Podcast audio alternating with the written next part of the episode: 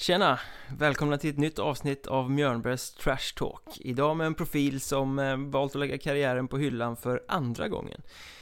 Andreas Elofsson eh, har varit med och spelat upp både Skövde och Karlskrona i Hockeyallsvenskan och fick i våras kröna karriären med att lyfta moderklubben Hanhals till Hockeyettan.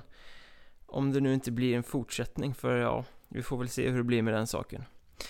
Men i alla fall, Rutinerad Elofsson är en vältalig herre med starka åsikter och vi snackar om relationen med olika tränare, om J20-spelare som kommer ner i Hockeyettan och insikter om vad som egentligen är bra för karriären. Men givetvis eh, gräver vi också djupt i den där omtalade karriären som eh, bjuder på anekdoter om en infekterad övergång från Nybro till Karlskrona, om kaoset i den sistnämnda föreningen, galna playoffmöten och storartade triumfer. Dessutom en rätt skön story om Glenn Hussein faktiskt. Vill ni kontakta mig, då gör ni det smidigast via mail, mikael.mjornberg.se Ni eh, kan skriva till mig på Twitter, det heter atmjornberg eller så letar ni upp Facebook-sidan som ni söker upp via Mjörnbergs Trash Talk. Det behöver inte vara så väldigt mycket svårare än så faktiskt. Men nu tänker jag inte slösa er tid längre. Nu är det dags för ett samtal inspelat en solig dag på Sveriges framsida i vackra Åsa. Jag ger er Andreas Elofsson. Trevlig lyssning. Då sitter vi här i eh, Åsa utanför Kungsbacka. Jag har hittat hem till en eh, numera pensionerad, rivig eh, forward, Andreas Elofsson. Välkommen! Tack så mycket! Eller det är kanske snarare du som ska säga välkommen till mig, ja. men eh, vackert ni har det här ute. Kul att ha det här och ja, vi tycker själva att vi bor bra och att det är vacker miljö här i Åsa. Hur hamnar man här överhuvudtaget? Jag är uppväxt i Kungsbacka från början. Eh, var millimeter från att vi blev kvar i Karlskrona som också är en stad nära, nära vattnet och, och havet som alla vet. En av Sveriges absolut finaste städer. En av, ja verkligen vilken skärgård. Men eh, beslutet, eh, vi hittade inget hus där. Eh, vi hittade detta huset. Och då mm, många funderingar, eh, lite gråt eh, för att lämna. För att Eh, men till slut hamnar vi här. Vi är jättenöjda för det. Vattnet känns som en eh, genomgående faktor och det är viktigt att nära till havet. Ja, ja, vi tycker det. Eh, så är det. dels är jag uppväxt i Kungsbacka, väldigt nära vattnet. Elin är uppväxt i Karlsborg. hennes mamma bor 300 meter från Vättern. Alla som bor i Karlsborg bor ju nära Vättern så att det är ingen Eh, det gör alla det, men vatten... Krypavstånd. Ja, precis. Eh, vatten har varit en, eh, är en stor del av vårt liv, absolut. Och jag menar som, som nu när det varit sånt här väder nu på sommarlovet så, och jag har haft semester här en vecka. Så, och Elin med, så har vi tagit eh, cyklarna ner och badat varje dag och det tar eh, en minut att cykla ner. Så det har varit härligt för både oss och barnen. Kopplingen vatten-fruset vatten är rätt krystad va? Det har ingen, eh, inget med varandra att göra? Nej, inget med varandra att göra. Jag måste fråga dig innan vi kommer igång på allvar också. Så här. Var, det, var det här Glenn Hysén satt? Det var precis där jag sitter nu faktiskt. Jag satt till vänster om han. Hur hamnade Glenn Hysén i ditt hem? Det är en eh, historia som cirkulerar på nätet och som... Ja. Eh... Eh, nej, den är underbar. Den är helt underbar den historien. Det, det, är så här att jag gifte mig här i, i juni och jag gick väl och väntade på en svensexa. En av mina bästa vänner, Tor Persson, eh, vet jag har hängt ihop i något sammanhang med Glenn Hussein innan och de har varit på någon svensexa ihop och så vidare. Eh, Tor visste också om det att eh, Okej, okay, säger jag till Ela för att Glenn Hussein kommer komma på lördag så kommer han förstå att det är svensexa. Så att de gjorde det bra grabbarna och eh, lite kort var det väl så här att jag umgås mycket med, med Niklas Högberg. Våran tränare som vi hade här i Hanas. Vi spelade mycket golf ihop. Eh, eh, han var väl med på ett litet hörn, eh, för Tor har inte klarat det själv, han är dålig på att ljuga. Så att helt plötsligt så ringde, träffade jag, sprang jag på, eh, eller Bengt Karlsson, eh, Norra Hallands journalist här i Kungsbacka. Ringde mig och ville köra en intervju och sa att det har blivit jag har blivit utvald här till kommunens eh, idrottare. Ja, så sa jag direkt och jag menar på det är klart att vi gjorde det bra med Hanas, men jag menar vi har Aranäs. Eh, vi hade någon simmare här i Kungsbacka som vann, vann något EM-guld. Det var det första jag sa. Nej men det handlar om, om de lokala idrottarna sa han då, så att han löste det väldigt bra. Det trodde inte jag om Benke faktiskt, för han är lite snurrig. Eh, det var inte mer med det. Vi bokade, jag kunde faktiskt inte eh, de dagar han sa, så att eh, vi bokade måndag. Var på att han ringde mig och sa att jag sprang på honom på stan faktiskt och då sa han du den måndag jag skulle ringt dig. Jag kan inte den. Och då var det naturligt. Jag kunde inte tisdag, onsdag, torsdag, fredag. Var på att han säger det ska gå i tryck på måndagen. Jag måste lösa det på lördagen. Så det, det föll sig ganska naturligt att, att jag inte kunde de dagarna. Nej men sa jag till Benke då det är två veckor kvar tills jag är gift mig. Helt säker på att jag åker på svensexan. Eh, och då sa han bara till mig iskallt. Ja, gör du det så, så får de vänta grabbarna för det här måste göras. Ja, ja. Och sen sitter Glenn Hussein med i juryn sa han, så att Glenn Hussein kommer också. Och sen kommer Björn som är sportchef i Hanas. Och då tänkte jag det att eh, vi var ute och spelade golf och Niklas, jag sa till Niklas alltså Nicke det här kan inte stämma så jag det har något med svensexan Nu ska Glenn Hussein komma och Björn ska komma och nu ringde han också och sa att du ska med och jag, jag fattar ingenting. Och Glenn Hussein. Och då sa Nicke ganska bestämt till mig att eh, du är dum i huvudet. Tror du att de har samlat ihop hela jävla Kungsbacka för att du ska ha svensexa? Det är klart att det är något pris. Eh, nej, det är klart, så jag. Det är ju det är någon skitlär min svensexa. Blir jag lite passiv igen och så pratar vi vidare om, om annat. Eh, förmodligen någon börd eller något på, eh, som var nyligen gjord. Eh, men så, så var det i alla fall och Glenn kommer hit och vi sitter och pratar och, och tid tar det. Vi, han, han drack ingen kaffe för han skulle springa ut Göteborgsvarvet. Jag tror inte han gillar kaffe eller vi pratar om allt möjligt. Eh, till slut så skulle vi ta kort i alla fall på detta och det, det gjorde vi. Det var för mörkt inne. Så vi gick ut på trappan och skulle ta kort och, och då kommer grabbarna fram. Så att, eh, ja, jag var tveksam till en början. Eh, de vände på mig så att jag gick på det så att de vann väl med 1-0 då. Det är 2-1. Jag tycker att det blir 1-1 eh, tills eh, jag, jag ledde väl med 1-0 i och med att jag jag misstänkte någonting? Misstänkte något, men sen vände de på steken igen så att eh, de, de lyckades helt klart. A for effort i alla fall. Eh, man säger att samla ihop både lokalpress och Glenn och hela ja, paketet. Ja, det, det var bra jobbat. Eh, så det... Det blev en historia som sprider sig till och med i Hockeyettan nu eller? Ja, jag har förstått det. Jag har förstått det. Så att, nej det var bra. Men eh, det är ju kanske mer Hockeyettan, Hockeyallsvenskan vi ska hålla oss till eh, idag. Det är där du har gjort ditt största avtryck, eh, om man säger så. Och mm. jag gick faktiskt tillbaka lite, tillbaka till 2009, december 2009 när jag började på Hockeysverige och googlade igenom eh, allting som har skrivits eh, på ditt namn. Och eh, kom då fram till att jag har aldrig lyckats skriva något negativt. Det är bara positiva omdömen, vilket ju är ganska ovanligt för vad jag kanske, för att det brukar komma både en och annan. Men det är genomgående mycket ettrig, laglojal, hårt kämpande. Eh, känner du igen dig i den bilden eller den beskrivningen? Kul att höra. Eh, jättekul att höra. Eh, jag bestämde mig någonstans. Jag kom upp ganska tidigt i Kungsbacka A-lag. Eh, jag var ganska sen i utvecklingen och mog, alltså mogenheten att ta till mig träning och bli stöd. Jag var väldigt liten hela vägen. Jag tror att eh, jag, jag mått bra av att vara ganska liten för jag fick kämpa. Men, men någonstans så var jag 15-16 år och, och, jag skulle träna med A-laget här nere i Kungsbacka.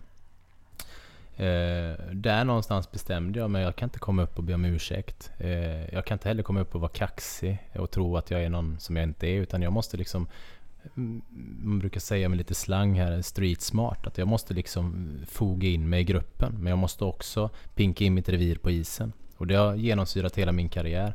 Eh, att jag har, jag har verkligen gjort det. Jag har gett allt för killarna bredvid mig. Men jag har också liksom pinkat in mitt revir, stått för vad jag tyckt och tänkt. Eh, ehm, förstått också kanske ibland vissa lag har varit två centra före mig. Eh, tre någon gång. Eh, jag har också förstått kanske när jag är den första centern och så vidare. Men också förstå det och ta den rollen och, och gå därifrån. Eh, och jag tror att jag har haft ganska lätt för det. Mm, lite kameleont sådär liksom att hitta sin roll där du passar i ett lag och sen gå all in på att göra det som, som tränaren säger kanske? Ja, ja, ja eh, den känslan har jag och jag tror faktiskt det. Jag, jag har stött på så många spelare och, uh, som har kommit ut. Jag menar det är bara att kolla alla superelitspelare som kommer ut och de, de ska vara playmaker, de ska vara det. De, jag menar innan de har har gjort en match så har de styrt powerplay och de har styrt boxplay och de har gjort allting. Någonstans måste du börja någonstans också. Eh, för det första ta en roll, eh, sen behandla rollen väl och gör den väl och så ta nästa steg därifrån. En sak om du, om du kommer från andra hållet och är en superstjärna som Alexander Sten, vi är samma årgång, men, men, om du tänker om du kommer från det hållet, då är det en helt annan sak. Men kommer du underifrån och slår underifrån så, må, så måste du någonstans. Du kan inte komma till Skövde som, som 19-åring och säga till Jarno Honkonen, nu är det så här Jarno att det är jag som styr powerplay. Men någonstans fyra år senare så står jag och Jarno och styr powerplay ihop. Eh, men jag fick ta en... Eh, var tvungen att förstå att jag är tvungen att lära av honom och ta en annan väg för att komma dit. Tycker du att eh, unga spelare idag kanske förväntar sig för mycket när de, när de kommer upp från superelit, kliver in i ettan? Det är som du säger, det är många som kliver in och, och tror att de ska dominera direkt. Har du sett den? Du är ändå till åren kommer nu om man säger så, i alla fall som hockeyspelare så har det skett en förändring att vara spelare mer ödmjuka för 10-15 år sedan än vad de är när de kommer till ettan idag? Mycket mer ödmjuka. Nu var det ett par år sedan jag spelade ettan, tiden går väldigt fort men jag, jag eh, Nej, man blir, eh, man blir förvånad vissa gånger när man, man sitter i ett lag och det, det kommer killar från J20 Super lite och ska ut och spela och jag menar det, det finns några spelare, godbitar i den serien absolut. Men de, de bästa går ju upp direkt i ett SHL-lag. De andra, det, det är inte mycket att ha. Det, jag menar... Nej, det finns, det finns vissa som kommer ut i ettan och förstår vad du ska göra och så då går de den vanliga vägen. Det finns två sätt att gå. J20 Superlit SHL eller J20 Superlit Division 1 upp. Eh, vissa går Allsvenskan. Eh, Fredrik Söderström i Oskarshamn har ju varit duktig på att plocka någon från Frölunda och faktiskt gjort, gjort det bra. Och det är bra både Fredrik och spelarna. Någon har ju lyckats sådär men men vi har väl någon kille här från Frölunda som stack ut i hästen här, eh, John Dahlström. Jag menar, det blir bara kattskit. Han ska ju ner till Hana, spela division 1 här nere. Bära det laget, sen ta det därifrån. Är det så att det finns för få av de här lite äldre spelarna som är snabbt där på plats och lär eh, killarna när de kommer ut i ettan då också? Jag tror det. Eh, grejen är att det var lite äldre. Jag menar när jag kom till Skövde det skiljer ju inte så många år på mig och Ronny och Fredrik jo, jo, Johansson och de här. Med Mariestads Nej, jag, jag tänker lite på när vi spelade i ettan och eh, vet vi mötte Troja mycket med, med, eh, med de killarna som var där lite äldre. Morgan Grans och, och vi mötte Tingsryd med Larry Pilot och Åkesson och de här. De var ju inte lastgamla när jag var 19. Det var inte så att de var 35-40. Men det jag menar, jag tror att det var lite lättare. Lite mer pengar i omlopp kanske. Att kunna behålla de här spelarna. Så det var lite tryggare serie på det sättet. Idag är det ju väldigt, det är ju tufft att spela ettan som äldre idag. Jag menar jag sitter själv här med två barn och en fru. Vi har heltidsjobb, vi ska få runt hela detta. Ska jag spela division 1? Det är, det är liksom, det, hur ska vi få ihop det? Eh, det? är en sak att säga, men Elof det är bara några träningar och matcher. Jo men jag ska förbereda mig. Medan jag ska vara på gymmet en timme innan träningen. Sen ska jag ha isträning. Jag menar det är fyra timmar i hallen för mig. Med ett heltidsjobb, barn och så vidare. Så att, och det tror jag har vattnat ur serien. Det blir ondare om de naturliga ledarna som har lärt sig genom att gå den långa vägen liksom. Jag tror det. Och sen har vi ett sätt till. KL och allting har ju kommit till. Det innebär att SHL vattnas ur. Det innebär att Allsvenskan måste upp spelare därifrån. Och det innebär att det tas från division 1. Så det har ju varit ett naturligt steg också med att det blir en, en KL-serie och, och så vidare. Kan inte riktigt reglerna på hur många utlänningar alla får ha men det känns som att fler, kanske någon spelar Frankrike, Danmark och runt om och då är det klart att det blir ju annat i Sverige. ja, jag menar, marknaden i Europa har ju öppnats mycket, mycket mer. Eh, än vad det var förr. Det är många som åker till Norge, till Danmark, mm. till, eh, ja, som du säger, Österrike, Tjeckien. är väl kanske inte så många, men det är många annorlunda ligor i alla fall. Så det blir mm. mer ett äventyr än att kliva ner i ettan och slita för brödpengar kanske. Nej men så är det och det, det är ju brödpengar och det måste man förstå. Därför är division 1 idag en utvecklingsserie där du ska utvecklas för att bli en SHL-spelare. Och det tycker jag att alla ska förstå. Jag menar, det, eh, spelar du i 20 Superelit idag och är duktig, eh, ja men ta chansen något år innan och spela division 1 istället. Var inte kvar i Superelit och harva utan gå ut i division 1 och ta en plats. Sen är det en sak kanske att vissa kanske behöver mogna mer i J20. Gör det då och, ta, och, och förstå det. Men ha inte liksom, tro inte att det blir SHL bara för att du har en Frölunda-tröja på dig från du är 16 till 19 år. Vi spelar Hanas här nere i två år. Vi har haft några som kommer ner. För de gick från Hanas när de var 15-16 år. Jag menar, killarna som är kvar i Hanas är ju bättre än de killarna som gått iväg till Frölunda. Och det är en naturlig grej. Jag sa det till en förälder för en vecka sedan. Det handlar ju om att Frölunda måste ha sina breddspelare med. De måste ha vattenbärarna i Frölunda med. I Luleå och HV. De, de kan ju inte utveckla 20 SHL-spelare. Det är Frölunda. Frölunda är ju bara tre mil ifrån så därför blir det man läser mycket om dem. Men det är Jakob Larsson i år. Och det är någon till som har fått och gått den här vägen. Ja, och hade du varit i Hanal så hade du fått en större roll och fått kriga mer och kanske varit uppe med A-laget och Absolut. på det sättet. För du gjorde väl så, du var väl uppe i Kungsbackas A-lag som du sa väldigt, väldigt tidigt? Ja, jag var uppe väldigt tidigt och det var min väg att gå, mitt val och den var inte, kan inte jag säga lyckad för att jag, mitt mål var SHL och det misslyckades jag med så att jag inte, det var ingen lyckad väg men jag har, jag har blivit väldigt rik på, på, eh, på vänner och en, en resa som jag är oerhört stolt över som jag har gjort i division 1 och eh, allsvenskan här i, i eh, våran hockey här i Sverige. Sen var mitt mål SHL, för annars har man inte hållit på. Det är allas mål när man är där ute i allsvenskan, absolut. Eh, men jag gjorde, jag gjorde valet att stanna i Kungsbacka. Jag, jag vet Thomas Sten ringde väl säkert 15 gånger en sommar där jag skulle vilja ha in mig och spela. Det var andra året i gymnasiet. Jag var lite senare så första året så var det inget, inget samtal från Frölunda. Det var den andra lag. Men, men jag tackar faktiskt Jag var inne en vecka men kände att... Eh, jag, och jag är glad och stolt över att jag kände det. För jag kände att här inne jag menar det är bara att titta runt isen. Där åker Lo Eriksson, där åker Joel Lundqvist, där åker Alex, Alexander Sten. Och absolut, in och tävla med dem. Det är en sak. Men de hade ju faktiskt sitt revir där inne. Och jag hade blivit en bär, jag hade blivit en vattenbärare. Och så hade jag lagt två, tre år där. Och sen hade jag fått komma ut i A-lagshockeyn. Jag kände att jag kommer förskjuta min karriär i A-lagshockeyn om jag går det steget. Skillnaden varit om jag hade varit så extremt bra så hade det varit i deras klass. Men det du hade varit Joel Lundqvist liksom. Ja, jag förstod att jag är inte på deras nivå än. Men då är det bättre att jag tar den och får kriga med vuxna män i Kungsbacka. Så jag gick den vägen och, och kom faktiskt ut till Skövde. Eh, och platsade i division 1 som 19-åring direkt. Så att, eh, och vi gick ju upp det året med. Så att, eh, det var kul. Väldigt svårt att eh, spekulera givetvis, men eh, vad tror du hade hänt om du hade gått till Frölunda där den, när det var på tapeten? Jag, jag har ju en extrem skalle och älskar att tävla så att jag, jag har spelat hockey lika länge som jag gjort idag. Men frågan kanske är vilken väg jag hade gått. Eh, jag hade ju inte gått upp i, i elitserien när jag var efter de två åren. Det hade jag inte gjort. Eh, utan då hade jag fått slussats ut i, i eh, övriga hockey, Sverige. Du hade varit den här skallen som kom till ett hockeyettanlag Ja, och skulle precis. styra powerplay. Precis. Kanske har varit lite mätt på det med. För det kan bli mycket den åldern också med hockeygymnasium, träna mycket hockey och, och jag kanske hade bränt mig med. Jag vet inte. Men eh, ja.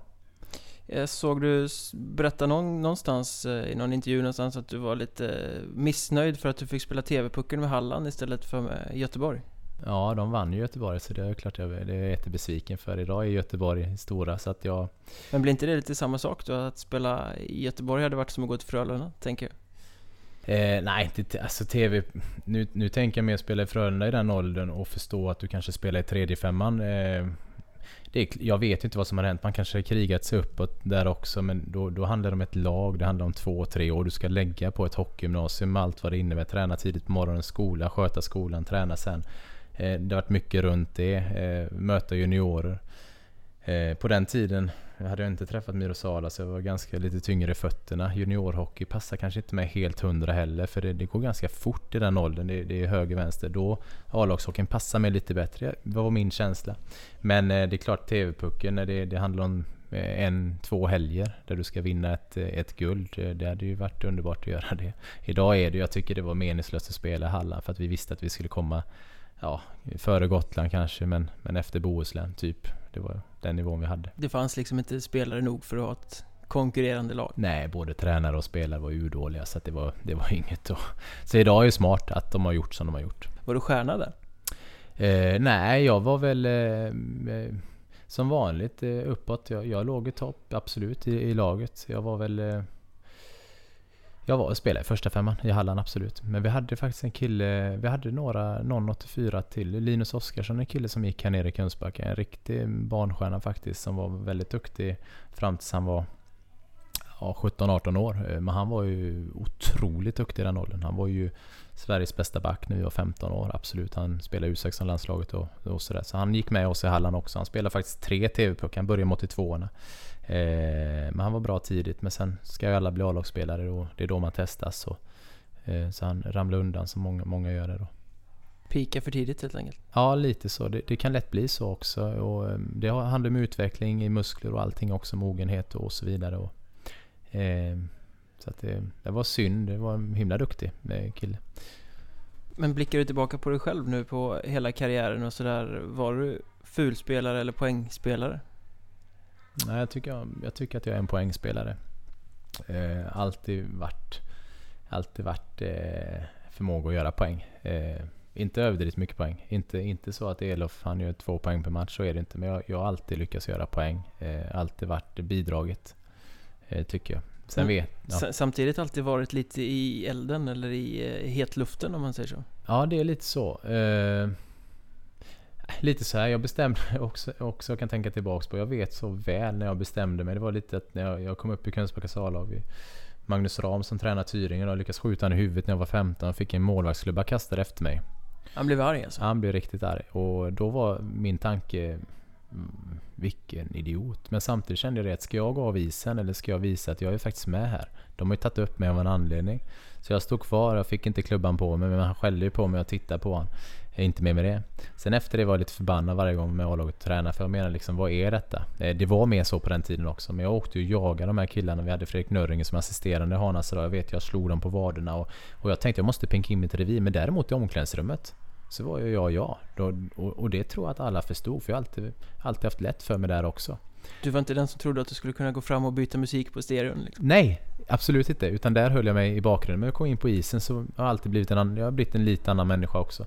Kom till Skövde, hade samma sak. Okej, då spelade vi på 3-5 på den tiden. Man började räkna direkt. Timo Hakkanen, vi hade Rasmus Eriksson, en kille som har faktiskt hållit igång. Han spelar i Norge nu. Eh, vart i Allsvenskan, också väldigt duktig. Kom från Borlänge från Borlänge kille, mm. kanonkille. Eh, och jag kände det att, okej okay, vi är fyra centra, jag måste hålla mig på tre för att få spela. Lyckas spela där eh, med Boman och Erik Öhnberg hela säsongen. Men då tänkte jag, ska jag hoppa in i Skövde och så ska jag vara den snälla pojken eller ska jag hoppa in i Skövde och visa kämpa att det blir problem för honom om man tar bort mig för då, då saknar vi en på isen som, som, som kan vara där ute när det brinner. Eh, stå framför mål, täcka skott, ta returer, göra poäng, eh, ta en fight. Eh, whatever. Men, men och så är det. Där någonstans bestämde jag mig att jag måste, liksom, jag måste ha lite av allt. För jag är inte extremt bra på, på en grej. Men det var ganska många sådana i det Skövdelaget, var det inte så? För att det, den säsongen som du gick dit, då gick ni upp i Allsvenskan, gick hela vägen. Eh, men det var ett lagbygge som bestod av för omgivningen ganska okända namn. Det var rätt mycket ungt och det var ganska mycket oprövat och det hade lika gärna kunnat bli ett bottenlag mm. om man tittade på det på förhand. Så det måste ju varit en väldigt uppväckning om platserna i det laget och många som tog väldiga steg utvecklingsmässigt framåt. Det var det. Vi tränade ju väldigt hårt. Vi tränade så att vi nästan svimmade den där Billingenbacken. Jag träffade faktiskt Hasse Ljunggren här i, i våras som är sportchef för Skövde. Han sa att Kämpe kör likadant idag för han ska ju tillbaka och träna Skövde. Jag skrattade. Hasse strupen heter det Ja, Hasse frågade var sugen så att efter ni är klara med strupen. Nej men eh, skämt åsido, vi tränade väldigt hårt och sen hade vi ett gäng där som var, vi fog i varandra och det var det var bråk på träningar och det, släng, det var hårdare på träningar. Och liksom de, det säger ju alla lag som går bra så är det tuffare träningar. De slogs om platserna och Erik Öhnberg som han gnällde vet du, för att det var för tufft och hit och dit. Men så var det match. Då var han ju, han gjorde mål Erik. Han var ju het som en kamin. Va? För då fick han mer utrymme på matchen på, på träning. Och, eh, nej, vi fightades ganska hårt. Frågar du Gerhard idag så skrattar han fortfarande över min Skövdetid. För så mycket klubbor som gick av eh, när jag kom farande på de träningarna. Men de höll sämre då brukar jag säga. För då fick man ju faktiskt slasha med. Det är ju helt galet. Och kaka. Ja, och kaka. Det är, eh, det... Tjänade du på det? Eller var det en nackdel för din spelstil? Nej, det var en nackdel. Jag var, jag var ganska tung i fötterna då faktiskt. Var jag. Jag var inte så pigg i fötterna så att det, då kanske jag tjänade på det.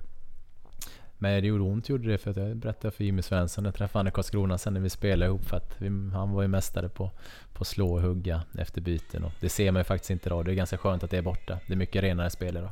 Alltså jag tycker det är lite roligt med det här fula Alltså in, inte fult brutalt men fult eh, irriterande när man ser att spelare tappar skallen för att någon lägger och gnagar dem i hälarna så mm. liksom. Det har sin charm det med ju. Det är en, en, stor del av sporten ändå, att, att kunna göra det utan att det syns. Men, eh. Nej men så är det. Eh, och jag vet, jag hade mycket utvisningsminuter under den tiden, men går man tillbaka, det orkar man inte göra. Och kollar vi hockey så är det mycket eh, när vi åkte ut två plus två, två killar och sådär. Eh, det är många som säger det. Jag satt mycket utvisad men jag hade alltid någon med mig. Ja, lite så är det. Men det är alltid, man har alltid försökt hålla sig för det. För att jag menar, det är ju... Har du mycket utvisningar idag så, jag menar, du, har du 100 minuter som jag hade eh, den tiden runt så, så spelar du inte mer än 10 matcher om det är så att eh, laget får illa av att du är utvisad. Så att eh, många var ju att det var framför mål. Jag spelade med Boman och Erik Öhnberg också. De skrattade mycket åt mig men de, de tog gärna inte... Erik var ju en ilsk eh, rackare men... Nej, det var ju så. Eh, men det var inte så roligt. Jag vet mamma åkte upp själv en gång och skulle kolla i Skövde. Hon såg åtta minuter. Sen så satt jag bredvid henne på läktaren för det var matchstraff. Så att det var inte så bra kanske. Men hon har sett många andra matcher så. Jag åkte faktiskt till Skövde en gång på, det var nog säsongen efteråt. Eh, ungefär liknande historia för det var lockout-säsongen. Vi skulle titta på Scott Ferguson som hade ja, kommit dit. Det var också sådär fyra minuter eller något sen matchstraff att han tog tag i tröjan på motståndaren. Ja, okej. Okay. Det var den utflykten. Ja, så kan det bli. Tack för den domaren. ja, precis. Det var säkert Morgan. Claesson, Ja, han har varit med i podden faktiskt. han har det. Ja, En god kille. ja han är skön. Att han har orkat åka runt och få all den skiten och bara köra det. Är han den domaren som har fått oproportionerligt mest skit tror du? Ja, runt om i södra Sverige. Men det finns väldigt lite domare och då blir det lätt att eh, har Morgan gjort en dålig match, han har gjort tusen dåliga matcher. Det, domarna får ju väldigt mycket. Men åka runt som ensam domare och döma alla de här derbyna där, där eh, hjärtat sitter utanför tröjorna på folk och tränare och ledare och alla skriker och funktionärer kanske till och med som ska vara neutrala beter sig illa så hålla ihop det som domare. Men det är klart, jag har spelat några matcher där Morgan har tappat eh, och så länge som Morgan har hållit på så hade han gjort det riktigt bra så hade han ju faktiskt dömt i Allsvenskan mycket mer än vad han gjort. Så att någonstans har han väl inte riktigt... Hans bror har ju, är ju ruskig, ruskigt duktig men Mm, Per Claesson. herregud, Morgan är skön. Men ka- kan man som spelare när, när eh, publikens hjärtan och funktionärernas hjärtan sitter utanpå och är tryck och folk tappar helt koncepten och kan inte reglerna kan man som spelare liksom försöka elda på det där lite extra för att få till sin fördel? Ja, så blir det ju absolut. Eh, Jag menar den... Skövde var det inte så mycket publikmatcher, det var i Mariestad. Vi hade mycket publik i Skövde, absolut. Så att jag menar, det kokar där inne i Billingehov. Ju bättre vi blev också, så, så var det ju bra av Tingsryd borta och sådär. Men det, framförallt tiden jag bodde i Småland så, så var det ju galet. De här matcherna, när vi, det var fullt i varenda lada. Ja, varenda liten parkeringsplats var Ja. överfylld med Det är inte lätt att få parkering. epa-traktorer som kom ja, precis. Eh, jo men, eh, du sa att ni tränar väldigt hårt i Skövde. Tror du att, går det att göra den resan i år med ungefär, eller numera med ungefär den typen av lag genom att träna hårt? Eller krävs det mer, tror du, för att kunna ta klivet mot Allsvenskan och det du har sett? Ja, för det är en sanning med definitioner där med, med träna hårt. Alla, alla, säger, alla, alla säger att man ska träna hårt, då blir det bra. Det stämmer ju inte riktigt. Vi tränade hårt, men vi hade också ett lag som var väldigt duktig. Kämpe var väldigt duktig.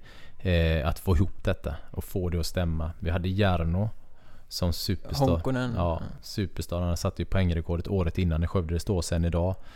Eh, om inte Trygg satte det något år senare, men det tror jag inte. Och, Ja, Trygg har väl gjort mest genom alla tider tror jag, men... eh, Men Jarno mest på en säsong. ja, eller om det är mest mål genom alla tider. Ja, Ja. det är någon, någonting genom Någonting. tiden som Trygg har. Och han hade ju straff, jag menar varje gång det gick till straffar så bara skicka fram Jaron. Han satte ju varenda straff, han gjorde mål på precis allt. Och, eh, så att vi hade alla de här komponenterna. Vi hade Niklas Dyrén i mål, väldigt duktig målvakt. Sune Bergmans son. ja. Jajamän. Så att vi hade ju allt detta och då lägger du till hård träning. Eh, men jag menar det handlar ju så otroligt mycket om, om eh, vad du har för tränare, vad du har för spelare och sen lägg på träningen. Slänga ut, du kan ju inte träna jag menar ta Kållered här som spelar division 2. Tränar de stenhårt så mm, de kommer ju aldrig från, från tvåan ändå eh, om man säger så. Nej men just nu när vi befinner oss, vi sitter här och det är precis slutet på juli Alla lag i hela Sverige tränar ju hårdast och bäst just nu om man bara ska lyssna på vad folk säger alla Tränar säger, bättre än någonsin Alla säger det. Eh, och eh, det är roligt att lyssna på. Jag tror att du måste träna, nog, träna rätt. Eh, vila eh, rätt och träna rätt så, så blir det bra. Och träna rätt finns ingen universallösning utan det måste vara träna rätt för just det laget just då Och individanpassat. Du måste individanpassa träning. Det tycker jag du måste göra mycket tidigare idag. U16 här i Hanas, jag har hört hur de har kört. De har tagit hela gruppen så har de sprungit som, som dårar och, och sådär. Jag menar, redan där ska man börja titta på, kanske passar någon bättre att cykla. Kanske passar någon bättre att göra det. Eh, för att få, få eh, inte behålla spelarna, det lär du få göra, men få ut max av spelarna. För det kan jag känna som jag hade saknat. Det var, tänk om jag hade träffat Miro när jag var 16, eh, 19, 20 år. Och man hade liksom tryckt på vissa saker. Jag håller Miro väldigt högt, Miro Salar i i Karlskrona. Men men just det här att man hittar individen. Vad, vad behöver han träna på? Han har varit fystränare i Karlskrona i urminnes tider nu känns det som Ja, det är en 76 som slutar med stavhoppet. Nej men han, och han gör det bra Miro, så att han har varit där. Men eh, som jag sa, folk eh, tränar bättre än någonsin just nu Folk kommer gå på is här, eh, det har de ju redan gjort för länge sedan när vi släpper ut det här men eh, Inte du Du eh, lägger karriären lite i malpåse kan man säga, eller halvt om halvt på hyllan Ja, det gör jag. Jag älskar ju den här pucken och hockeyn och, och brinna för det. Men jag, jag flyttade hem eh, från Karlskrona för två... Tre somrar sedan är det. Vi har gjort tre somrar här nu, det är två år sedan. 2014 sommar flyttade vi hit. Hanas ringde och sa att de ville gå upp i ettan. Eh, jag kände att det var en, det var en utmaning.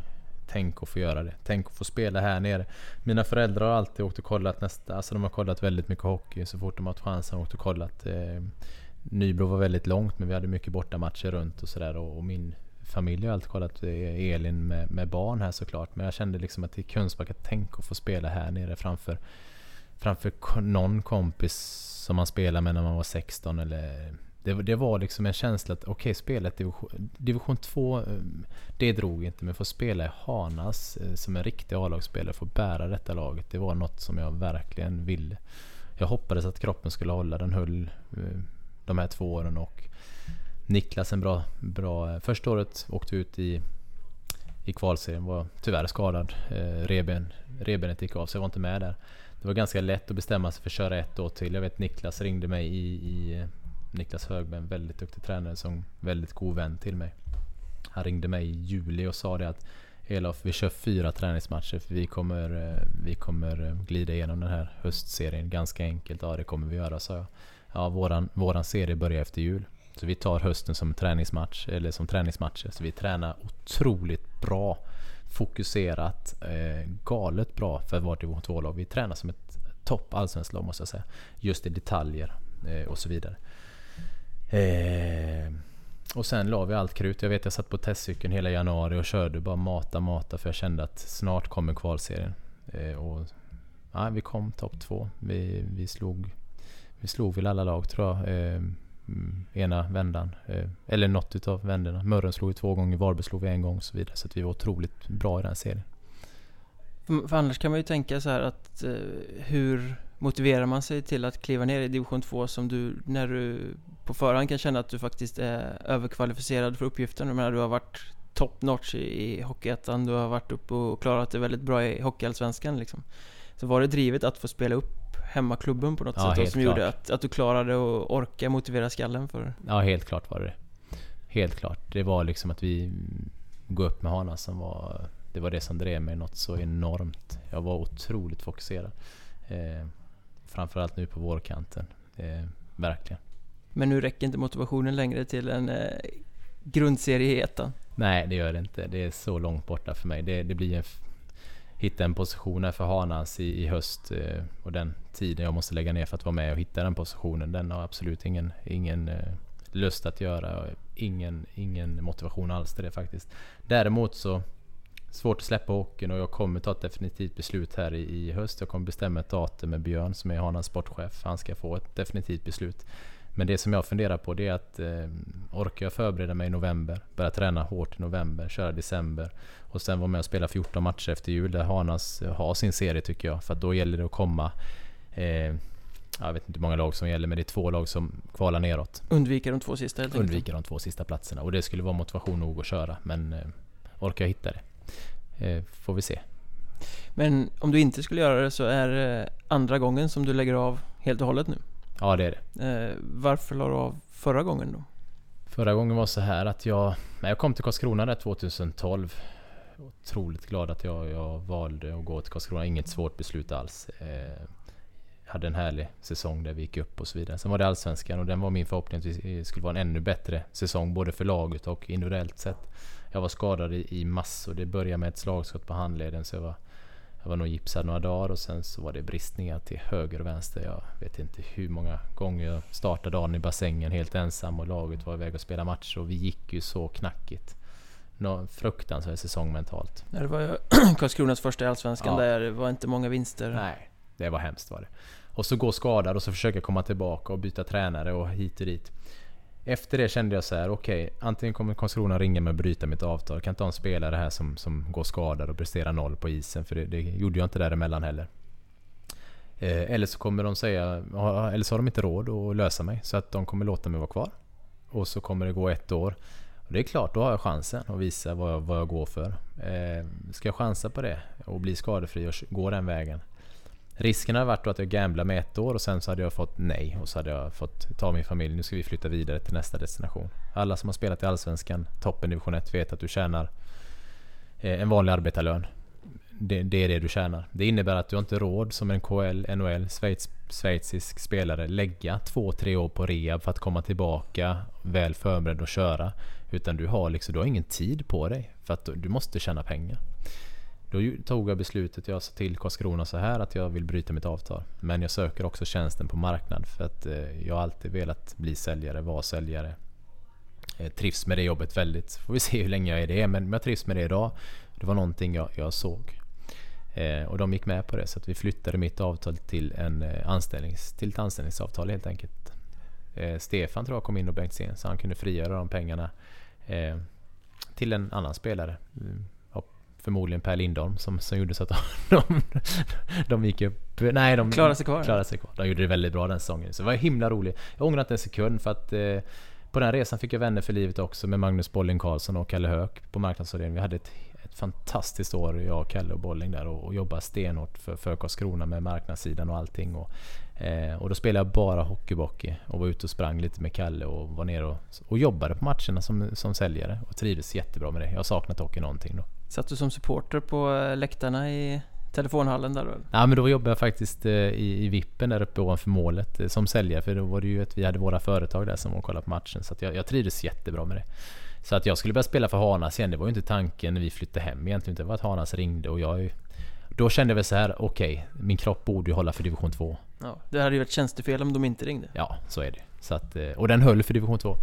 Men, mm. Men den håller nog kanske inte för Hockeyettan? Jag tror faktiskt, alltså ska jag vara ärlig så är det jag väldigt osäker på också. Eh, med den belastningen som krävs och så vidare. För att det är ju så, du spelar ju inte division 1 där du vaknar åtta på morgonen, äter en god frukost och så börjar du träna klockan halv tio. Och så rehab och så massage. Det gör du inte. Du jobbar heltid, stressar ner till, till träningen, in i gymmet kanske, ut på isen, kör. Troja borta, Kallinge hemma, Nybro hemma. Och däremellan ska kroppen återhämta sig eh, med vad jag har varit ute för också med alla de här bristningarna. Ja, du, har, du har varit ganska skadad? Alltså, ja men jag har ju varit det sista Det har varit lite åren. händer och bristningar och allt möjligt som ja, har pajat? Det är väl bristningarna. Det är bristningarna framförallt som, som har eh, som har tagit eh, tufft då. Annars har jag klarat mig jättebra. Jag menar det, det har inte, och jag har aldrig, aldrig varit skadad så jag har behövt liksom jag ska inte säga skylla, men jag har aldrig varit sådär, äh, det året var jag borta. Utan, men det har varit småskit och i slutet så var det väldigt mycket Framförallt sista året i Karlskrona. Och det känner jag nu. Jag var ute och sprang med Jonny Ågren igår. Han är här med sin familj på lite semester. Och, eh, var ute och sprang igår, 5 km. Jag klarade det igår. Jag blev glad att jag klarade 5 km. Men när jag kom tillbaka så kände jag att då drog det direkt i vaden. Så hade jag gått och sprungit så hade jag fått sån gubbvad. Det har satt sig i vaden liksom. Det är helt galet. Jonny sa du kanske springa lite långsammare för att eh, Men det, man vill ju komma hem någon gång. Det är ju inte roligt att gå ut och springa så man vill ju springa till A till B så fort Man får lyssna på poddar när du springer, det går alldeles... Ja, Då precis. vill man bara springa längre och längre. Ja. Men eh, du har nämnt eh, Hanhals, du har nämnt Skövde, du har nämnt eh, Karlskrona. Det är tre klubbar som du faktiskt har varit med och spelat upp en division. Mm. Eh, det är inte alla som får göra det med en enda klubb under en hel karriär så det måste väl kännas ganska lyckat på något sätt. Går det att vikta dem mot varandra? Vilken var, var de bästa eller är de lika bra? De har nog kommit ganska... Det är ju skönt spann på dem. Eh, kanske när man gick upp 0-3 trodde man att oj, blir det så här roligt avslut varje säsong bara för man, bara för man spelar någon annanstans än Kungsbacka. Men jag fick en bra start på min, på min eh, karriär där med Skövde. Eh, vi gick upp 0-3. Jag kommer aldrig glömma vad Jonas Björkman sa en, eh, eh jag tror Jonas är född 75, han spelar back i Skövde. Då satt vi och tog en bira efter vi hade gått upp och det var rök i hela hallen och det var en galen stämning. Då sa, vände han sig om och sa till mig, det här är precis, jag har inte vunnit SM-guld sa han. Men det här är precis som att vinna SM-guld, jag lovar er killar. Jag lovar er, Elof sa han då för jag satt närmast. Eh, det är bara att det är en annan valör på medaljen. Och det har jag tagit med mig lite, för det är det det handlar om. Du går in med ett lag, oavsett division, och sen har du, du, vi, du kan ju inte vinna SM-guld i division 2. Utan det vi kunde göra med Hanas nu var ju faktiskt det vi gjorde. Så att det är han helt rätt i och eh, ranka dem vill jag inte göra för att det är svårt att göra men, men det är väldigt svårt att komma ifrån Hanas, det, det, det, det är min moderklubb. Det är hjärtat. Jättehäftigt. Eh, individuellt. Åh, oh, vad häftig resa med de som var där nere med tränare och runt klubben. Absolut. Men jag menar min stora grej var när vi gick upp med Karlskrona. Den, den håller jag otroligt högt. Eh, jag bytte, bytte, bytte klubb eh, till Karlskrona mitt under säsongen. Ganska infekterat var det. Barnen är som håller på. Ganska infekterat var det. Vi satt eh, och förhandlade med Karlskrona och Mats och Johansson där nere, ordföranden, sa till mig att det är av en enda anledning ni kommer hit. Och det är att vi ska gå upp i i eh, Allsvenskan. och lyckas med det inför all den publiken. Slå Sundsvall borta eh, med 7-4 eller vad det var. Eh, och flyga hem till 3000 personer med bengaler utanför arenan. Du vet, det är, nu har några killar där gått upp från Allsvenskan till SHL. Det kan inte jag säga något om. Men för mig så var det den och de innan mig som gick upp med Karlskrona från tvåan till ettan var ju deras största grej då. Men min största grej var från ettan upp till allsvenskan med Karlskrona. Absolut. Inramningen just där i Karlskrona under de här åren går ju inte att mäta med någonting annat på den nivån. Nej, det, det går inte. Jag menar, vi gick ju bussen som rockstjärnor när vi kom tillbaka. 3000 eh, personer med bengaler och de helt galna. Det sitter nästan 3000 personer till oss och ser matchen när vi spelar Sundsvall borta. I Telenor Arena och kollar på detta. Nej, och den här grejen som vi gjorde också med Timo i mål och som var den stora draken. Han, han skulle bara stänga och han lyckades stänga butiken. Och Bates Bataglia, NHL-spelaren som kom. Och det var väl egentligen han som gjorde att vi, vi kom till kvalserien. Vi mötte ju hästen. Eh, det är otroligt tuff drabbning Bäst av tre matcher. Och det var ju Bates, eh, han var ju galen de matcherna ju. Eh, och sen när vi väl var i kvalserien så var det hela laget. Men just vi hade de här komponenterna och vi lyckades. Och ja, vilken fest vi hade och vilket drag. Men det var ju nästan som att ni hade vunnit när ni hade tagit er igenom playoffspelet där. För det var ju tuffare än vad kvalserien sen visade sig bli. Men ni höll på att snubbla direkt mot Östersund som på den tiden var blåbärslag. Ja, ja det är helt... Eh, det är också, vi åker upp och vinner ganska lätt mot dem. Åker hem och förlorar. Okej, nu är det bara tredje matchen. Den går till sadden. Första bytet till sadden så har de friläge. Timo räddar pucken, ligger en decimeter från mållinjen. Dansar där inne? Ja, den dansar på mållinjen. Och eh, det hade blivit målkamera på den om... Så nära var det. Men då fanns det inte målkameror på den nivån. Eh, sen får vi ett powerplay, jag har stängt upp ett slagskott i krysset och vi går till... Och så får vi hästen av alla lag. Jag vet känslan, vi kom ner i omklädningsrummet alla. Och vi förstod att hästen tycker samma sak. För här var det liksom... Det var vi och hästen som skulle till kvalserien. Nu ska vi slå ut varandra. Vinner hemma i sadden. Eh, söder avgör där i sadden, kommer jag ihåg. Som spelar än idag i Karlskrona. Häftig resa han har gjort. Kristoffer Söder. Söder ja. eh, och sen så får vi hästen borta, förlorar borta. Ligger kvar på hotell. Och sen vinner vi 2-1. Sirbäck avgör i tredje perioden. Men det är väl Bates som är eh, den stora draken i den matchen. Jag tycker han håller pucken på egen hand i anfallszon. Och man snackar om att äga puck och det gjorde han verkligen den, den matchen. Just den där matchserien blev ju en klassiker. Jag kommer ihåg ilskan i Norrköping först över eh, lottningen. Att det överhuvudtaget var möjligt att få Karlskrona på lotten när man hade tagit sig direkt till playoff 3. Det var liksom eh, våldsam eh, våldsamma känslor. Och sen när de dessutom åkte ut Jag tror det var bitterhet i flera veckor Det var fusk och det var riggat och det, så här ska det inte få gå till. Alltså, Det tog väldigt, väldigt lång tid. Men någonstans så byggde väl det där på publikens vilja att gå upp Så att det var ännu mer tryck ja. senare. Och sen lyckades de ju ta klivet också Men eh, den där matchserien, den var ju något speciellt. Ja det var det, det satt ju hårt inne. Det var en tuff serie och eh, jag menar den första femman som, som hästen hade med Samuelsson, Höglund och Marcus Eriksson där, den var ju, jag menar det var ju målchans varje gång de kom in på isen. Så hade vi Timo där bak. Eh, får inte glömma att säga han den matchen heller. Timo släppte bara en borta. Va? Men jag, jag, vet ju vilket liv det var. Jag menar så fort vi vann, de drog bort mattorna för oss. Och jag vet, jag började bråka med en funktionär där i gången och menar på att här kvalar vi och ni drar bort mattorna för oss. Och, eh, ja, det var ett jäkla liv. Var du förbannad? Ja, jag var galen var jag Blev det slagsmål?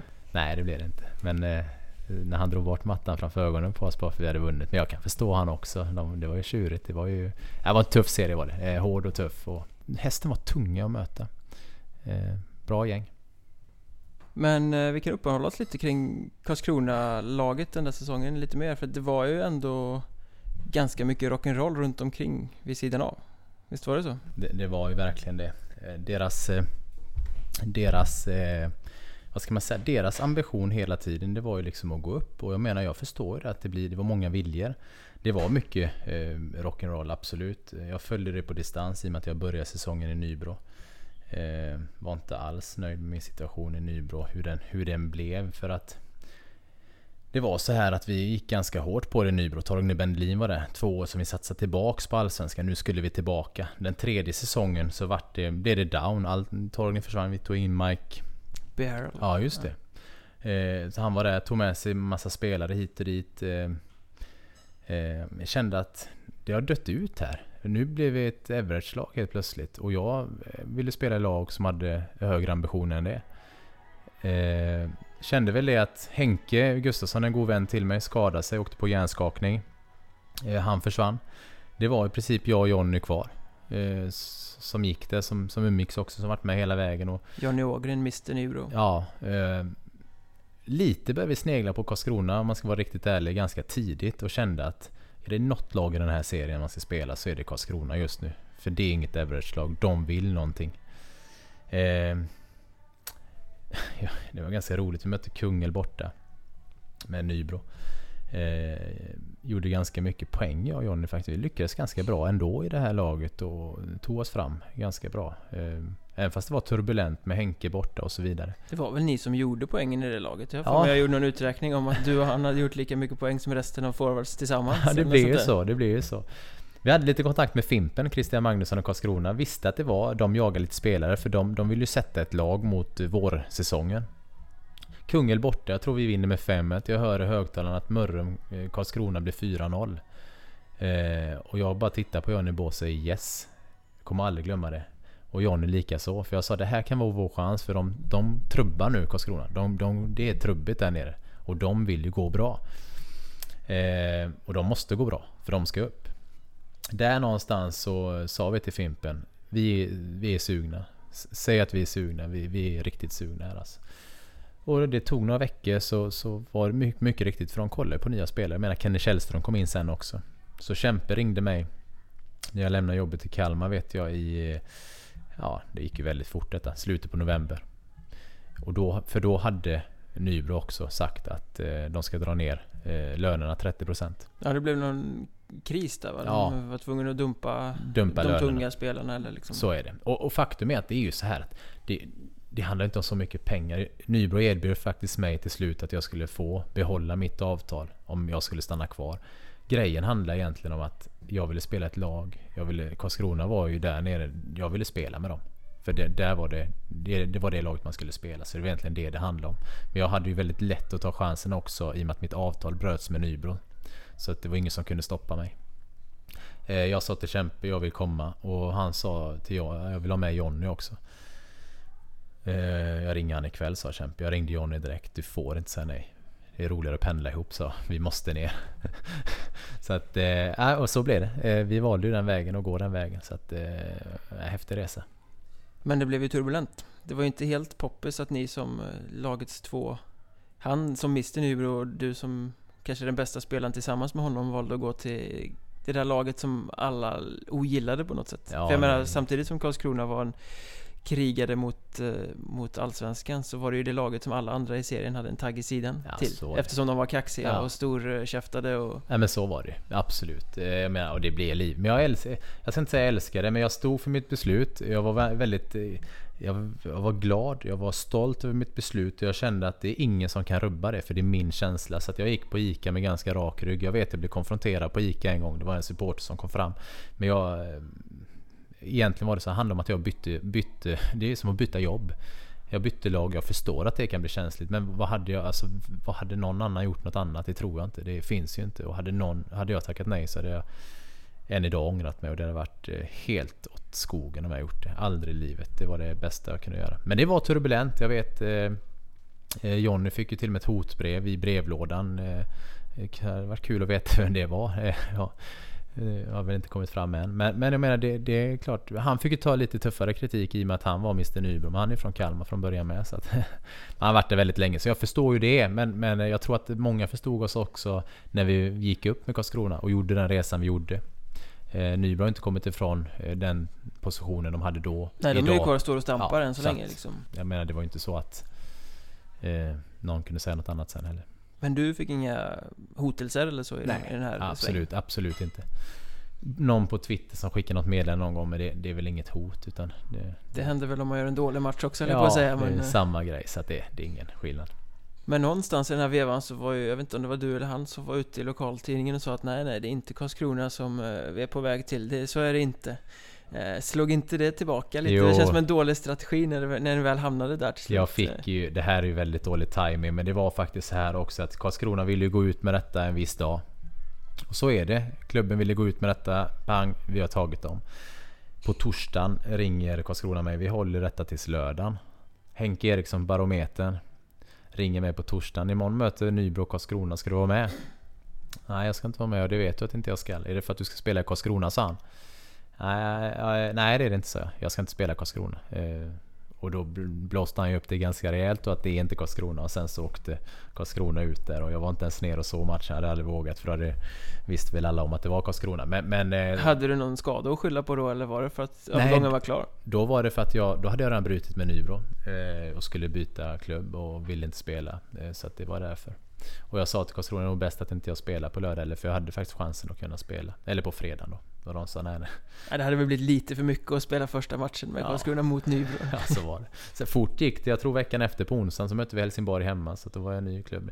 Så att det, det jag menar, all, det är ju inget, det är inte så att Zlatan bytte Milan till inte liksom. Så att det, jag menar, man får ju dra det i sina. Men det är klart, där är skogarna och, och så som det blev så var det ju eh, stort också. Jag, tyckte det var tråkigt också för att jag menar, jag gjorde, hade sju kanonår i Nybro. Jag menar Nybro för mig ligger mig varmt om hjärtat. Vilken förening, alltså Idag är, det, är de en medelmåtta Hockeyettan-förening, men jag menar de gick den resan, lilla klubben upp i Allsvenskan.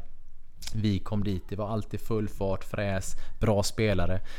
Gynge har varit där som är stjärna i KL och SL i år. Eh, Elias Fält har gått den vägen.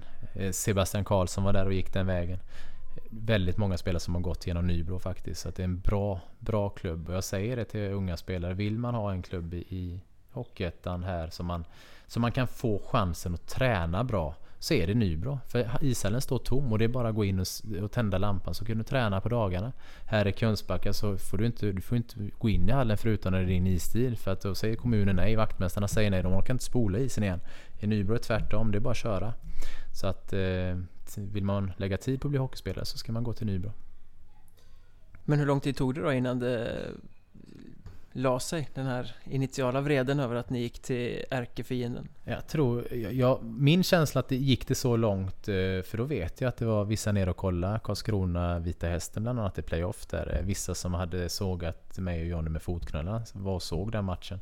Så att det gick så långt när de märkte att nu är Nybro säsong slut. Jonny och Elof spelar fortfarande.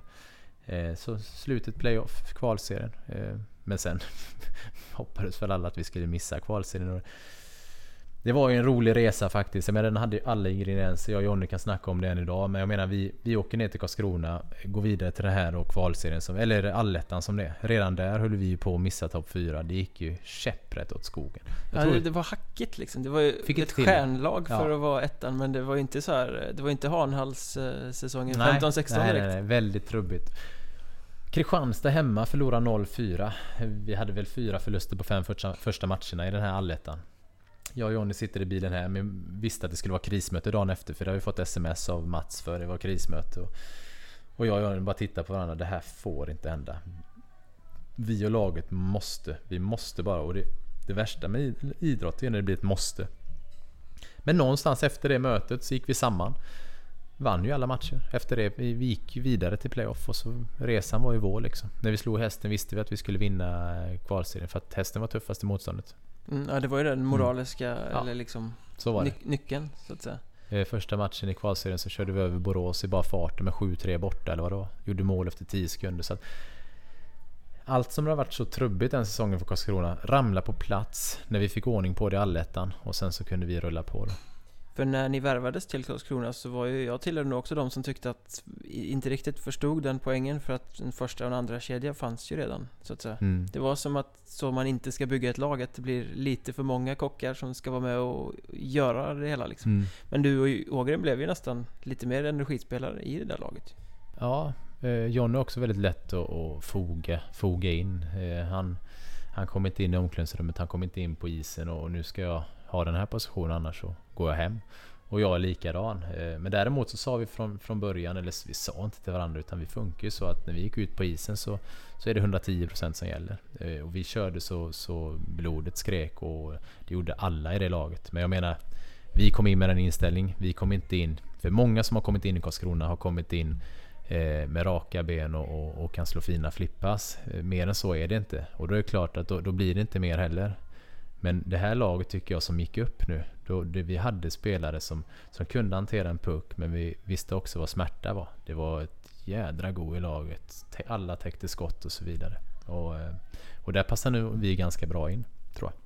Försvann det sen i Allsvenskan säsongen efter eller var det bara truppen inte räckte till? Nej, vi räckte inte till. Eh, om man tittar på det laget så räckte vi inte till. Eh, det var nog den svåraste säsongen i Allsvenskan på alla år också. Det var otroligt eh, tuff serie med Örebro, Malmö, Leksand och alla de här som satsar ganska hårt. Då. Så att laget räckte inte till mot det motståndet. Sen var det turbulent. Igen? Igen. Eh, idag är det ju väldigt lugnt, mycket lugnare och så skönt. Ja men Hockeyettan-tiden i Karlskrona och den här första allsvenskan den präglades ju av att det var ju nästan lika mycket rock'n'roll i katakomberna runt omkring som det var på isen. Man visste inte vad som var sant och inte. Den ena historien var ju värre än den andra ibland. Liksom. Nej, det var ju galet. Eh, och tråkigt, Kämpe fick ju sparken där i Allsvenskan. Som hade tagit upp oss och ganska snabbt. Jag menar tålamodet med han där. Ja, det hände ju mycket. Och så in med Janne Karlsson. Jag vet inte riktigt. Janne kunde ju fortfarande inte namnen på, på, på alla spelare i truppen när säsongen var slut. Jag menar han vill ju inte vara där. Det, det var ju paniklösning på paniklösning. Han har fått kicken från eh, Södertälje? Nej, Nej Växjö. Växjö. Södertälje var säsong, någon säsong senare sen. Ja, Växjö var det. Så att... Eh, jag menar hur, hur mycket ville han vara där egentligen? Eh, han behövde en lön helt enkelt. Mm, lite så var det. Så att eh, det var turbulent var det. Men var han liksom ointresserad? Ja, det måste jag säga att han var. Jag menar, han kunde inte namnen på... Mötte vi Huddinge sista matchen på säsongen och, och, han kunde fortfarande inte namnen på alla i laget. Eh, så att det är klart att det är ett ointresse. Men smittar det av sig på spelaren också? Alltså vi, Nej, jag, kan, jag, kan, tänka mig att har man en tränare som man verkligen respekterar så är man beredd att kanske täcka skott med, med munnen en gång extra för hans spelidé på något sätt. Ja, det blir, och sen blir det en osäkerhet. Eh, och jag menar, tränare är det viktigaste vi har i ett lag. Alltså det är han som håller ihop helheten. Eh, märker, jag menar, kalla tränaren spelarna för fel namn. Alltså det är ju grund. Det är ju grunden i allt vi håller på med. Skola och jobb och allting. Du ska bli respekterad för, för den du är. Du ska inte bli kallad något bla bla bla. Då. Så att det är klart att det, det hängde väl på såklart. Eh, absolut, eh, så var det. För den kvalserien som ni sen hamnade i var ju också på väg att sluta i förskräckelse Precis som playoffrundan med Östersund säsongen ja. innan kanske Det var i mitten när man mot Tingsryd där som det vände för ja, Fram vände. dit var ni, såg ut som ett lag som var fullständigt livrädda var ni Såg det ut som för läktaren. Och så Mattias Modig längst bak som kastade in pucken. Nej det var vi. Eh, stackars Modig också som inte fick till det alls. Och Timo som Janne hade sågat tredje matchen i kvalserien att han ska sparkas. Jag menar, hör ju själv hur, hur, hur det var. Eh, däremot så var ju räddningen var ju faktiskt 4-1, låg under mot Tingsryd, fem minuter kvar tror jag. Eh, om jag inte är helt fel. Vi vände till 4-4, vinner på straffar. Efter det så... Jag menar, hade Tingsryd vunnit den matchen så hade Tingsryd gått upp istället, vi hade varit borta. Så att där var vändningen. Så att eh, det är ju en härlig... De skrev en bok, Karlskrona, 10 år. Eh, det ska bli kul att läsa den när de släpper nästa bok här. Ja, den matchen var ju väldigt avgörande. Tingsryd åkte ur den säsongen va? Ja, gjorde de det? Ja, jag får med det. Jag, tror jag pratade med Robin Olsson om det, att det var liksom den där matchen det, där kantrade för dem och vände för er liksom i sista, sista sekunden om man säger så. Ja, du hör ju. Men för att backa eh, jättemycket i, i tiden, det var en lite märklig övergång när du lämnade Nybro till Karlskrona och sen gick upp när du bytte Skövde mot Nybro Då hade du ju faktiskt varit med och spelat ner Skövde mot just Nybro mm. Säsongen innan Blev det också lite så här, det, det, förstår jag, det var ju mellansäsonger så det var ju kanske inte så Så ju... obekvämt för supportrarna Men kändes det konstigt på något sätt liksom att okej okay, Jag byter till laget som vi förlorade mot i sista Och som vi förlorade med, vi vann skottet med 45-15 och Nybro vinner med 1-0 Ola Nilsson i Nybro stod ju på huvudet den matchen så att vi där var vi värda att vinna. Men så är ju idrott. Det är en final och, och så vidare. Du satt väl till och med utvisad när de gjorde matchens enda mål va? Ja, jag tror det var Martin Gustafsson som gjorde mål också. Det var hans sista säsong tror jag. Ja, jag satt utvisad där. Det, det, var en galen match. Men det kändes inte bra alls i hjärtat när jag ringde Kämpe utanför simmanen i Kungsbacka. Ringde han och sa att jag bestämt mig för att lämna Skövde och gå vidare. Eh, anledningen till att jag gjorde det var att jag var i den åldern. Jag hade aldrig gjort det om jag var, var äldre för då hade jag haft en revanschkänsla. Nu var jag tvungen att tänka på mig själv. Tisell ringde från Nybro och frågade om jag ville komma. Eh, Nybro värvade ihop ett extremt eh, namnkunnigt lag måste man ändå säga. Backarna, Leverström och, och så vidare. Och forwards, de Valdix, Kimby, Jensa Svensson, Fimpen, eh, John. Alltså, det, det var ju ett bra, namn, väldigt namnkunnigt lag. Eh, och jag kände väl att eh, det, jag måste tänka på mig, mig själv här nu. Så det var därför jag gjorde den, eh, den flytten, så det var inget annat. Eh, nu i efterhand så lämnar väl halva laget Skövde och Skövde är väl kvar på samma position som de var precis när vi lämnade för 11 år sedan. Så det, det är var... lite Nybro där ja. också, det är lite samma sak. precis, så att det, det var väl naturliga eh, övergångar. Nu kommer Harnalds vara tillbaka i två nästa säsong då nu när du har Jag håller mina, alla mina tummar för att de lyckas hålla sig kvar. Men hur skilde sig de här allsvenska säsongerna? Alltså du gjorde en med Skövde där, sen gjorde du några med Nybro och sen med, med Karlskrona. Är det Nybro-säsongerna där i Allsvenskan som är de, de bästa? Jag tycker Skövde-säsongen var ju otroligt, där var vi otroligt bra. De gjorde om serien från 24 till 16 lag eh, det året vi åkte ur med Skövde. Vi hade vi spelade tre serier. Först serien och då var vi ett poäng ifrån. Jag vet inte, norra, södra? Ja. ja. Vi var nog något poäng från att komma topp fyra. Hade vi gjort det så hade vi varit klara för eh, fortsättning. Och sen höll detta på. Och vi tampades mycket med Halmstad vet jag. För de var också där. Eh, tyvärr så var det väl så att vi var något poäng, något plusmål hela tiden ifrån. Men vi var duktiga, alltså vi fick ihop det bra. Men vi orkade inte slå oss in i sex, bland 16 lag. Eh, så den var väl helt okej. Okay. Sen eh, Allsvenskan i Nybro, ja absolut. Men jag tycker nog att eh, något med det materialet vi hade eh, så skulle vi nog fått ut mer av vad vi fick ut där under de här säsongerna. Så det, när man tittar tillbaks på det så var det Trivdes ju jättebra i Nybro. Jag var där för en vecka sedan på semester och hälsade på de gamla vännerna men Vi hade ett himla gott gäng och det säger väl allt när jag var kvar där sju år. Du trivs ju inte. Trivs du inte så blir det inte så länge, så trivdes jättebra. Men jag tycker nog att med det materialet vi hade i början skulle man fått ut lite mer eh, av det. Det är lite lustigt egentligen för att Nybro är den klubben där du egentligen har gjort flest säsonger eh, Som seniorspelare i alla fall och liksom sådär Men det är nästan den du är minst förknippad med så här i efterhand när folk minns din karriär Det blir mycket Karlskrona mm, Kanske det, lite Skövde inte... i och med att det Var det för att det var mer händelser där liksom? Ja det hände ju inte så mycket i Nybro om man ska vara ärlig Utan vi spelade Allsvenskan och kom som bäst åtta någon säsong Ja Jag vet inte riktigt vad det var så det var Det hände inte så mycket eh, de säsongerna i, i Nybro som det verkligen hände något, det var väl egentligen när vi åkte ur och gick för att gå upp i Allsvenskan. Då vände vi på steken. Då spelade vi playoff mot Björklöven och vann hemma och hallen koka och så vidare. Det är klart att hallen kokade när vi mötte Leksand och vann med 2-1 också. Men efter det hade vi velat 12 raka eh, förluster borta mot, mot några andra lag. Liksom. Så det, det var ju väldigt sådär upp och ner. Tillbaka till division 1 med Nybro med Torgny. Bra lag hade vi. Vi var ju topp i, i Sverige med det division 1-laget och, och, låg där uppe också och tampades. Ja, det var några säsonger när ni var liksom ja, på, var på gränsen till kvalserien ja. egentligen som... Jag tror att vi kom trea första året i kvalserien efter vi hade åkt ur. Eh, och jag tror att andra året ja, då var, gick vi till playoff 2. Vann hemma mot Björklöven 5-3, förlorade två borta och så var vi ute då. Eh, så då var vi med igen, då hände det saker igen och då hade vi gått upp där igen så man kanske förknippas med det. Men det, nej, det hände inte så mycket de, de åren. Nej, för det var som en sakta utförsbacke som vi sa förut att det gick egentligen bara utför under Nybro-tiden. Sju säsonger successivt. Så var det. Sakta men säkert. Små, små bygg nyanser liksom. Ja, och det, det, ja, och det är tufft för de här lagen att hålla ihop det ekonomiskt. Eh, och det, det visar sig ju sen också då att det går lite sådär eh, nerför eh, när inte pengarna finns i kistan. Nej, det är väl baksidan om du åker från Allsvenskan ner i ettan också. Att eh, väldigt, väldigt få lag som har fallskärmen att kunna starta om liksom. Ja, verkligen. Studsa tillbaka upp. Jättetufft. Men du pratar om Bendelin här. Det var ett defensivt eh, tänk i hans hockey.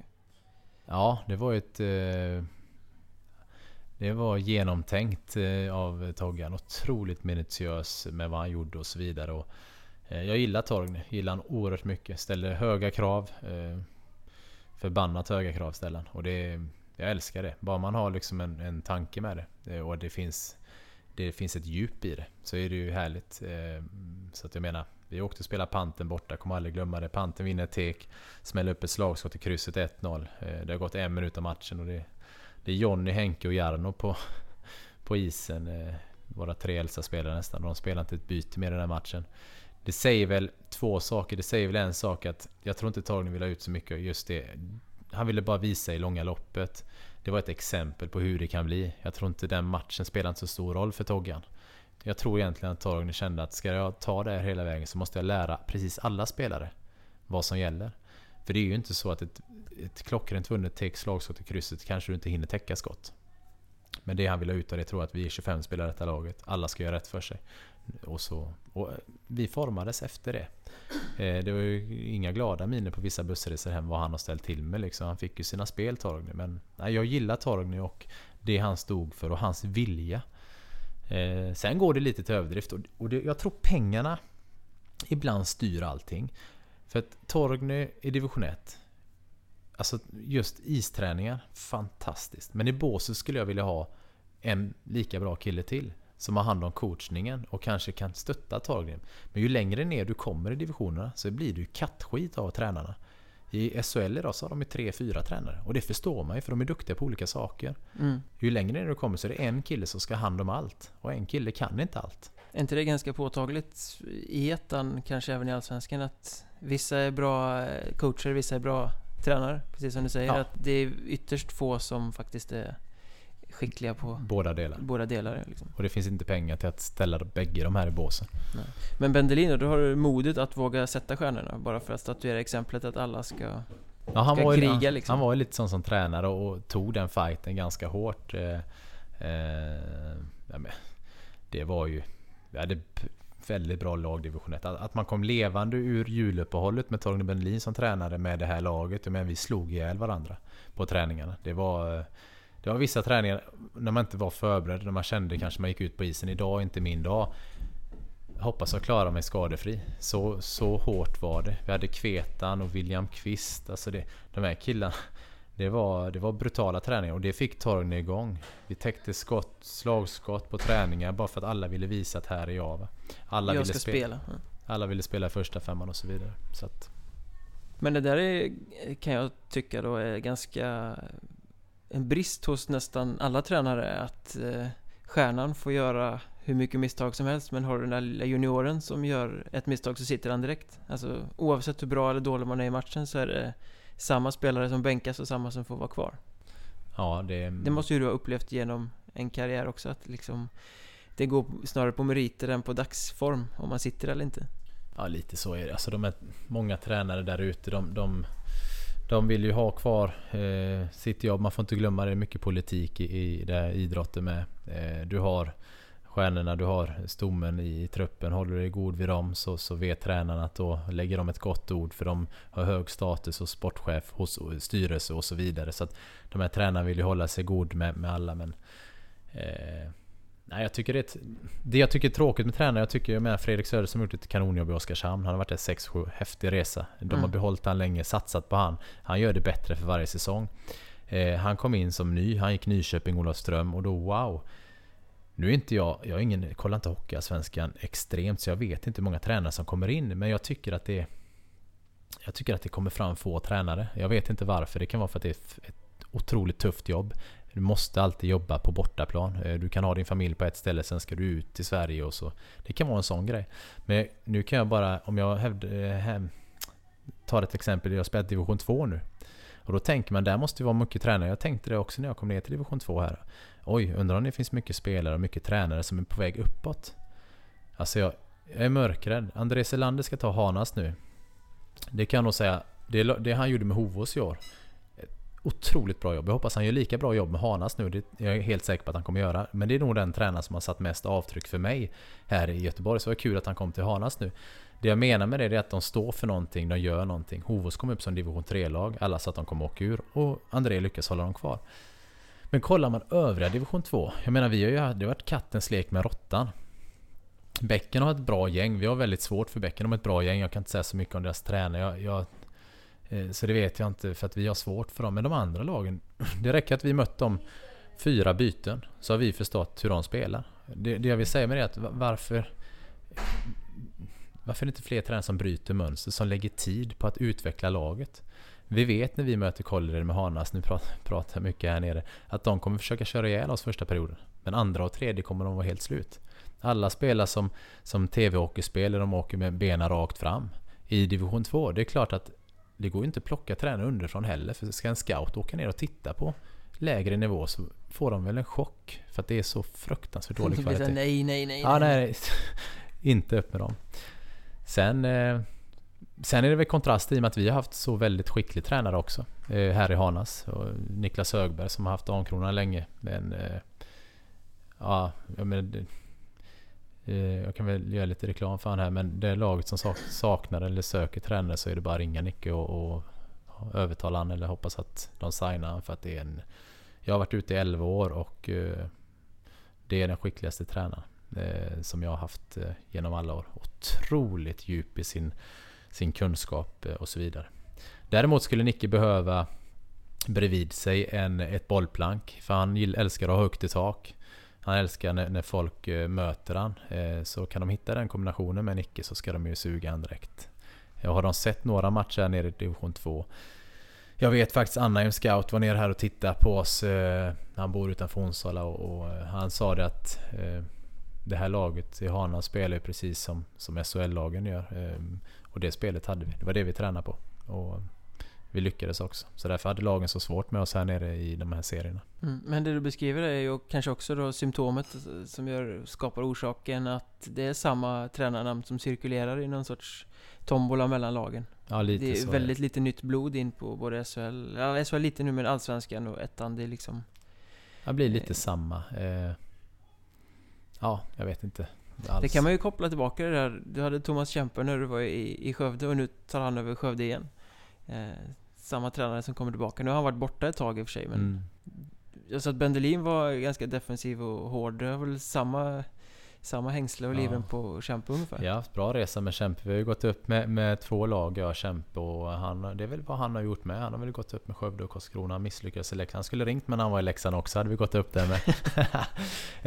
eh, nej men eh, skämt åsido. Han... Eh, det är väl så. Det som jag gillar med Kempe det är att han står sig stark. Han håller gruppen väldigt tight. Alltså det, han, eh, det är ingen som kommer in eh, i den gruppen oavsett om det är sportordförande eller nu tänkte jag säga sportchef, men sportchef tillhör ju faktiskt laget. Men om du förstår utanför va? Han, han, håller, han skyddar sitt lag till max. Eh, häftig Thomas på det sättet. Han, han är ganska lik mig där med tävla och det här Eh, ganska tjurig, svår. Eh, men däremot när man sitter och käkar en lunch med Thomas så är han ju som vem som helst. Men just det här hata motståndarna och domarna och verkligen Även vi, domarna alltså? Är vi mot världen. Och, och, det gillar jag med Thomas. Eh, så jag hoppas han gör samma resa igen med, med Skövde faktiskt. Jävla bra kille Thomas. Var det samma sak i Skövde som det var i Karlskrona? Även om det var, jag vet inte hur många år det var emellan, det kan ha varit... Ganska många år, var tio ja. år tror jag men... Men var, var det liksom samma ledarskap, samma... Kände du igen dig när du kom in i Karlskrona där? Ja, ja absolut. Eh, Thomas står för någonting och det, det som Kämpe står för det är precis det jag berättat. Han, det är vi mot världen. När du kommer in där så är det vi mot världen. Menar så mycket det blåste i Karlskrona så kan du nog inte ha en bättre tränare att stå emot det. Där stod Thomas rakryggad och, och, och och, och, sa till oss i gruppen att låt det blåsa. Låt dem säga vad de vill. Och så här kommer vi va. Och just där, här kommer vi. Det är han, eh, så att jag menar, de klubbar det blåser, det är Thomas Passan perfekt. Var det det som gjorde att de inte kunde ha tålamod med honom också?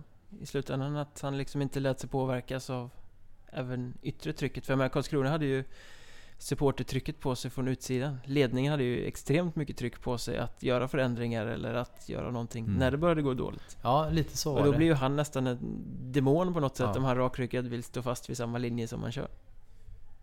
Ja, så var det och sen i Karlskrona så var det väl lite så också. Jag, vet, jag kommer knappt ihåg historien när Kämpe blev sparkad därifrån men då pratar vi återigen med djupet i, på tränarsidan.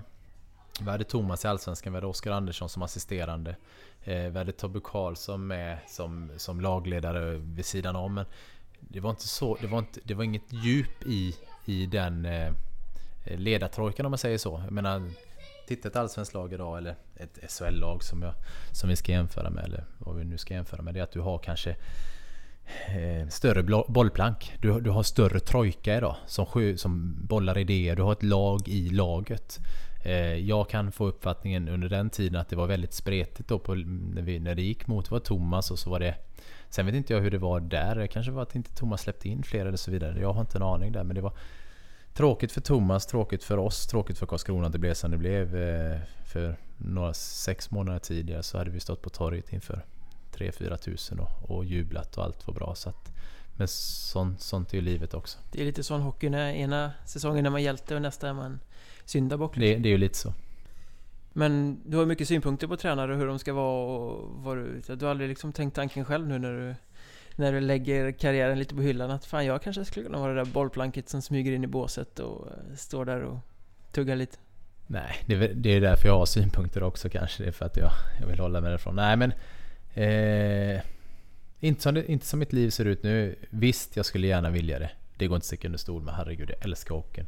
Eh, men ska jag lägga den tiden som det innebär så innebär det också att eh, jag ska vara ifrån dem här hemma. Eh, kanske börja hanas här nere. Gå en lång väg. Det tar lång tid. Det tar, det tar som jag ser det säkert 10-15 år innan du blir en bra tränare. Och då får man börja nu då. Så jag är klar när jag är 45 och så kan vi köra. Men, men jag, jag har lagt så otroligt mycket tid på att vara spelare. Eh, Kul att eh, Karlskrona tog in Mikael Aro igen. Han gjorde en himla härlig resa här som tränare och nu är han assisterande i SHL. Jädra bra kille. Men, men just det att han tog ju faktiskt steget till Skellefteå. Lämnade kvar sin familj i Karlskrona som bodde där. Han flyttade upp själv till Skellefteå. Det är de uppoffringarna familjen, individen måste göra. Nu är han tillbaka i Karlskrona och har varit tränare några år. Så att, eh, kul med nytt blod in där också. Men, men lite vad jag menar är att du, du måste grisa ner det några år för att bli en bra tränare. Mm. Är det mer uppoffring än att spela? Eh, ja, du är ju skörare som tränare. Det, det, det är kanske lite lättare som spelare att att halka fast fem, fem år i ett lag eller så vidare. Oskarshamn har gjort det bra med Fredrik ju. Det är många år han har varit där nu. Men kolla på tränare överlag. Nu skrev vi Frölunda en lång tid med Roger Rönnberg. Det var ju bra men... Ja, det är två, två tre år. Eh, två år. Eh, Mm. Sparken, ett år. Alltså, Ja, och går det illa så är du syndabocken. är Liksom. sex månader så är du borta liksom. Så det är väldigt olika. Har du någon gång upplevt det som spelare under din karriär? Att vara liksom lite den här som känner att... Nej, här är det jag som, som får stå ytterst i spelartruppen där det blåser. Eller har det gått så bra hela tiden att du liksom har kunnat surfa på att vara nyckelspelaren som gör det som ska göras? Nej det, nej, det är väl olika absolut. Men jag menar... Jag har väl spelat det bra. Det är ju Nybro där som, som hade några tuffa år. Eh, Det var ju inte... Fast där producerade du ju ändå. Ja.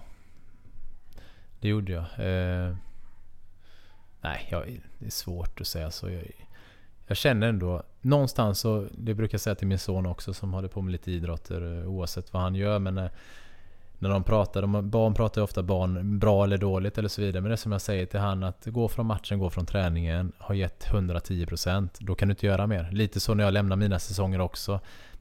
Jag har nog ingen säsong där jag har känt att jag inte har gett allt och då, då går det inte och Då har inte jag funderat så mycket på om eller hur eller vad jag har gjort utan då är fakta är att det inte blev bättre. Eller blev bra. Eller det som blev blev. Insatsen fanns där och sen gick Ja. det som det gick. Ja, Mm. lite så.